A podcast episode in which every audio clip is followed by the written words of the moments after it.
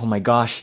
I hate this Metallica era, but I guess I have the free will, emotional intelligence, and self control to just ignore it and move on. I don't like this Metallica album, so I'm not going to listen to it. I hate how Metallica treated Jason Newsted back in the day, but seeing how they're all friends now, I, I, I guess I should let it go? Because whining about things that happened in the past wouldn't change anything. I don't like Metallica, but I'm very self aware Metallica is not the only musical artist in the world, and there are millions of other bands and artists that I can choose to listen to. So I really love Ronnie by Metallica, and if you don't, then I'm not going to convince you otherwise because we all have different tastes, and you're not less of a human just because you don't like something that I like. I only like Metallica until 1988 so I'm not going to whine about things that happened after that year. I don't like this Metallica member, so I'm not going to watch videos regarding this person. I don't like this Metallica song, so I'll not listen to it. I love this Metallica album, so I'll listen to it. Can someone please tell me the point of convincing a stranger on the internet, someone who I'll never meet in my entire life,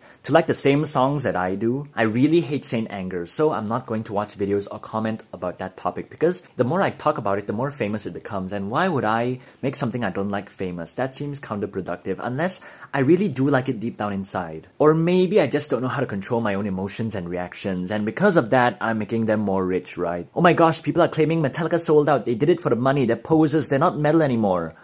Uh, I don't need to care. I don't agree with you. You don't agree with me. So, end of story. So, you like the same albums I do.